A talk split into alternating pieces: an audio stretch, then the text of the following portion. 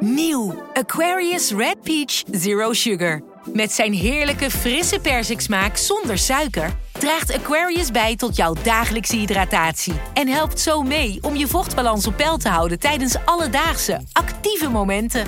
Thuis, op het werk of onderweg. Ook verkrijgbaar in smaken lemon en orange. Probeer hem nu. Wie reist met NS, reist net even anders. Wij reizen groen, zonder moeite te doen. Oh, zo kan je dus ook een dagje weg. En wij werken in stilte. In stilte? Nou ja, met oortjes dan. Oh. Zo gaan we iedere dag vooruit. Wij allemaal.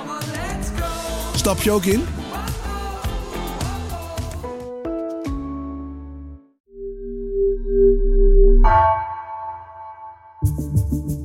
Vanaf de redactie van NRC het verhaal van vandaag. Mijn naam is Egbert Kalsen.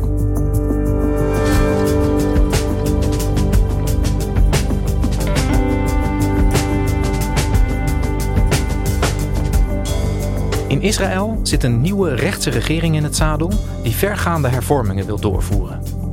Daarbij wordt zelfs getornd aan de onafhankelijkheid van rechters. Israëliërs maken zich grote zorgen over deze machtsgreep en ze gingen de afgelopen dagen massaal de straat op. Midden-Oosten-redacteur Floris van Straten ziet de kloof in het land steeds dieper worden. Staat de Israëlische democratie op het spel?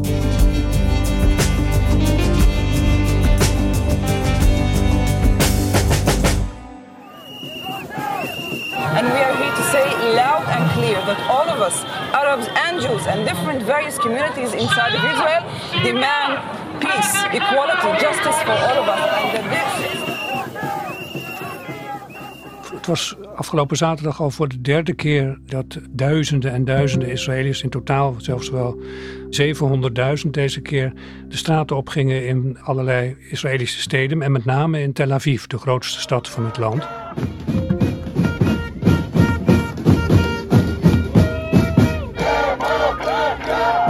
our equality and our democracy are in a, a really situation that it can be no democracy anymore. And that's why I'm afraid. Had wel een ludiek karakter aan de ene kant, die uh, enorme demonstratie van afgelopen zaterdag. Waarbij mensen uh, met Israëlische vlaggen zwaaiden. En ook wel Palestijnse vlaggen. Maar ook wel uh, mensen met regenboogvlaggen aan luid trommelden. maar tegelijkertijd ook spandoeken met zich meevoerden waarop dan stond: Red de democratie in Israël, red Israël. We came here to protest against the degradation of the Israeli democracy. We see a, a process where the rights of the people will be consumed by this theocratic government and we want to avoid that. De meeste demonstranten liepen mee omdat ze zeer bezorgd zijn over voorstellen van de nieuwe Israëlische regering om het Hoge Rechtshof aan banden te leggen. Het gaat zelfs zo ver dat ook uh, sommige Israëliërs nu al hun koffers pakken en het land verlaten, omdat ze gewoon geen toekomst meer zien voor zichzelf en hun gezin in Israël onder de huidige regering. Nou ja, je schetst net al, er is een radicale omslag gaande in Israël. Hoe kan dat, dat er ineens zo'n andere koers wordt gevaren nu? Uh, dat is niet helemaal toeval, want Likud-leider Netanyahu, die ook nu weer premier is, die had al van tevoren allerlei lijntjes uitgegooid naar uh, rechtsradicale uh, partijen. Maar ook naar de ultra-orthodoxe partijen waar hij wel eerder mee had samengewerkt. En uh, bij de verkiezingen van 1 november slaagden ze er inderdaad in om 64 van de 120 zetels in het parlement in de wacht te slepen. En dat is voor het eerst eigenlijk dat die uh, extreemrechtse partijen op die manier gewoon deel uitmaken van de regering. En ook ministers leveren op heel gevoelige portefeuilles. Ja, en, en de kiezer heeft zeg maar de ruimte gegeven aan Netanyahu om, om deze coalitie te vormen. Um, wat voor partijen zitten daar nou in? Hoe zou je die karakteriseren? Nou, dat zijn nogal uiteenlopende partijen. Natuurlijk om de eerste plaats Likud, dat is verreweg de grootste. Uh, dat is ja, een vrij conservatieve rechtse partij, maar ook wel seculier ingesteld. Dat is de partij van Netanyahu, uh, Dat is de partij van Netanyahu zelf. En daarnaast heb je dan voor het eerst dus dat religieus uh, zionisme. Dat is een partij die bestaat eigenlijk uit twee partijtjes... die allebei worden geleid door kolonisten... uh, die ook met name de nederzettingen in de westelijke Jordaanoever op volle kracht willen uitbreiden. En uh, de Joden die zich daar willen vestigen, alle faciliteiten willen bieden. En als het kan, zelfs dat hele gebied te annexeren. En dan heb je de, een ander element, dat zijn de ultra-orthodoxen. Die leggen vooral de nadruk op de uh, Joodse wortels van Israël, zoals zij dat noemen. En het versterken van het Joodse karakter van het land, ten koste vooral van de Palestijnen ook.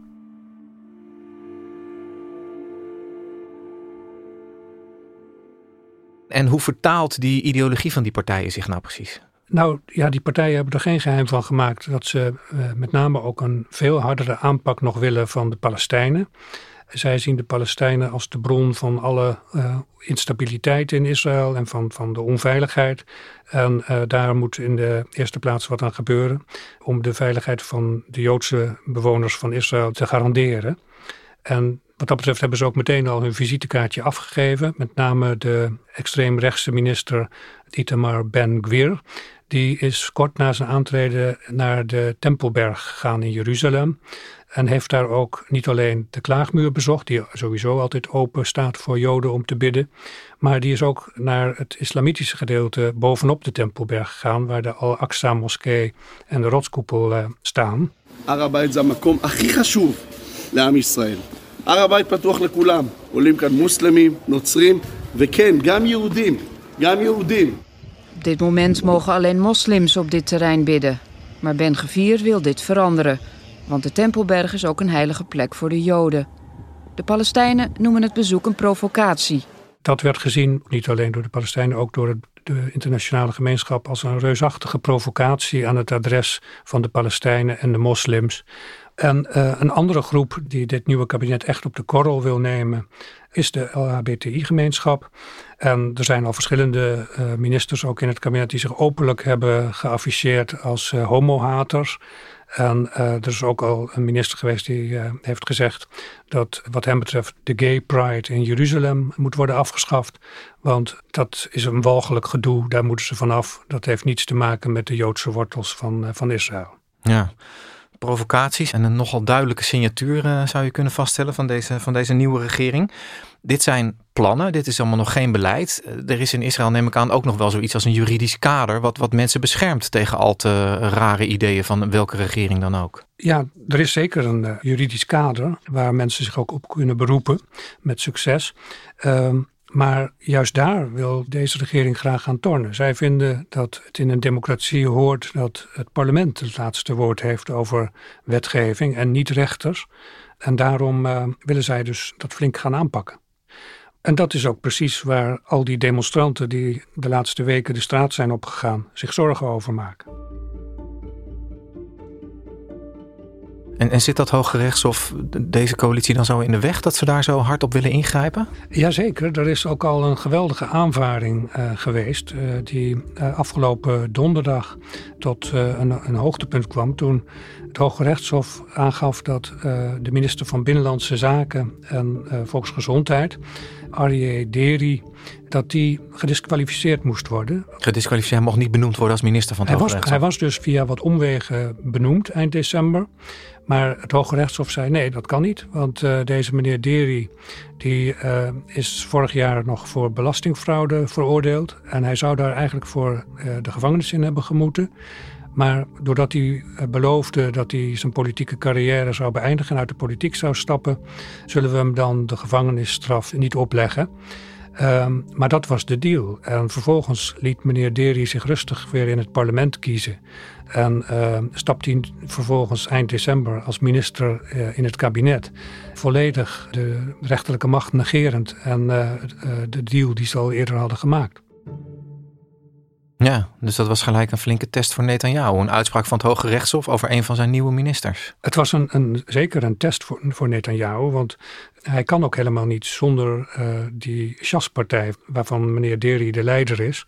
Uh, die uh, is goed voor elf zetels in, in de Knesset. En zonder die elf zetels zou Netanyahu's coalitie geen meerderheid meer hebben in het parlement.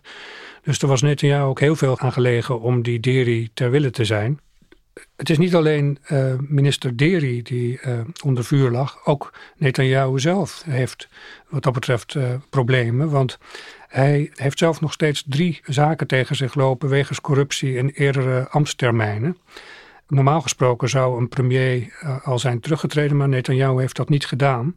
Maar hij loopt daardoor ook wel het risico dat hij door andere partijen kan worden gechanteerd met deze rechtszaken die nog lopen. En hij is er zelf erg op gespitst om hoe dan ook aan het bewind te blijven, omdat hij dan immuniteit geniet voor rechtsvervolging. Dus, dus hij heeft ook een, een persoonlijk belang bij het inperken van de macht van het Hoge Rechtshof? Ja, zeker. Want, want Netanyahu is uiteindelijk wel gebogen voor die eis van het Hoge Rechtshof, begrijp ik. Ja, afgelopen zondag heeft uh, Netanyahu een bakzeil gehaald. En uh, heeft hij bekendgemaakt dat hij minister Deri zal ontslaan. hij zei ook erbij dat hij dat met een zwaar gemoed doet. En dat hij het een, een onterechte beslissing vindt van het Hoge Rechtshof. Maar hij beseft ook dat hij op dit moment zich niet kan veroorloven om nu al dat Hoge Rechtshof volledig uh, links te laten liggen en te doen alsof zijn neus bloedt en gewoon meneer Deri in het kabinet te laten zitten. Ja. Dus je zou met een beetje positieve blik kunnen zeggen 1-0 voor het Hoge Rechtshof en daarmee misschien wel voor de democratie. Is, is dat zeg maar ook de samenvatting die we kunnen geven op dit moment? Ja, het is zeker uh, positief dat deze beslissing van het Hoge Rechtshof dan toch gewoon gerespecteerd is. Maar het is toch te vroeg uh, om echt al te gaan juichen voor een overwinning van de democratie. Want uh, de plannen voor de hervormingen van justitie blijven volledig op tafel liggen. En uh, die zouden dus juist in de toekomst zo'n stap van het Hoge Rechtshof zoals ze nu hebben genomen wel eens kunnen ontkrachten en uh, onmogelijk kunnen maken. Want wat zou de consequentie zijn? Hè? Stel dat, dat Netanyahu alsnog doorzet wat hij van plan is, zeg maar politieke greep op dat Hoge Rechtshof. Wat zouden daar de consequenties van kunnen zijn? Nou, die zijn moeilijk te overzien, maar waar gaat het dan naartoe met de democratie? Wie, wie, heeft het voor het zeggen? De rechters of de, of de regering? Beide zijn belangrijke factoren in een democratie en die worden geacht elkaar te respecteren. Maar als dat niet meer gebeurt, ja, niemand weet dan wat er, wat er gebeurt. En dat is ook precies waar veel mensen zich uh, druk om maken in ja. Israël.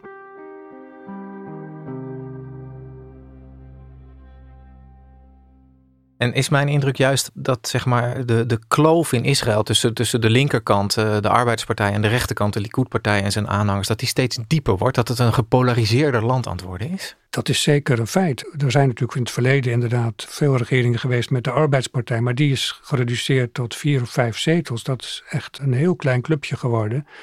En uh, er zijn nog wel wat andere meer gematigde partijen, maar de meeste daarvan tellen nauwelijks meer mee. Uh, dus het valt niet te ontkennen dat Israël de afgelopen decennia behoorlijk naar rechts is opgeschoven. En dat wordt nu geaccentueerd door ministers zoals die Ben Gvir, die dan naar de Tempelberg ging.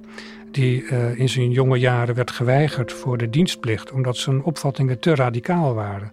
Nu is diezelfde Ben Gvir, die eigenlijk nog steeds dezelfde opvattingen koestert, die is minister van Veiligheid geworden en mag gaan besluiten hoe ze optreden tegen de Palestijnen in de westelijke Jordaanhoever. Bij die verrechtsing van Israël speelt ook nog een rol dat de demografische samenstelling van het land ook steeds sneller verandert. En dat komt ook met name door de snelle toename van de orthodoxen. Dat zijn er nu al één op de acht in Israël als geheel. En in een stad als Jeruzalem bijvoorbeeld is het al 40% van de bevolking die orthodox is. En dat zet ook een enorm stempel op de samenleving. En zeker nu ze ook zo prominent in de regering zitten, zullen zij ook proberen om dat seculiere karakter van Israël, dat er eigenlijk van ouds was, om dat toch steeds meer om te turnen in een meer orthodox Israël. In mei dit jaar bestaat uh, de staat Israël 75 jaar, hè, opgericht in 1948. Um, wat, wat doet deze, deze scheiding, deze polarisatie, wat doet het nou met dat land? Het feit dat uh, de situatie in Israël zo enorm onder druk staat, daarop wijst ook het feit dat dus steeds meer mensen besluiten om Israël maar te verlaten. Ik sprak een uh, hoogleraar constitutioneel recht die ook vertelde dat bijvoorbeeld haar eigen buurman net haar verteld had dat hij in ieder geval voor drie jaar uh, er vandoor ging en misschien wel langer, omdat hij zich niet meer thuis voelt in een Israël dat onder de huidige regering zo de democratie de bijl aan de wortels zet. Ja, Dat is echt extra schrijnend als je bedenkt dat het land 75 jaar geleden juist zeg maar, als een veilige plek voor, voor Joden eh, is opgericht natuurlijk. Zeker, ja, dat is uh, heel schrijnend en, en uh, voor sommigen ook echt traumatisch. Aan de andere kant is het ook wel weer een beetje het gevolg van ja, de ontwikkelingen die zich de afgelopen decennia hebben afgespeeld in Israël zelf en die aanhoudende onveiligheid die daar toch nog altijd in dat land heerst. Dat ja, lijkt nu een, een heel uh, ongemakkelijke wending te nemen. Het is ook wrang voor veel mensen die uh, echt uit alle landen van de wereld vaak naar grote ontberingen in Israël zijn terechtgekomen. En met het idee, hier heb je een goed functionerende democratie. Uh, om dan juist op de 75ste verjaardag van die Israëlische democratie uh, te moeten constateren dat die plotseling heel ongewis is geworden. Ja, dankjewel Floris. Gedaan.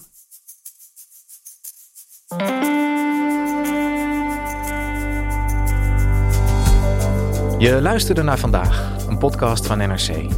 Eén verhaal, elke dag. Deze aflevering werd gemaakt door Lis Doutsenberg, Stef Visjager en Marco Raaphorst. Coördinatie Henk Ruigrok van de Werven. Dit was vandaag. Morgen weer.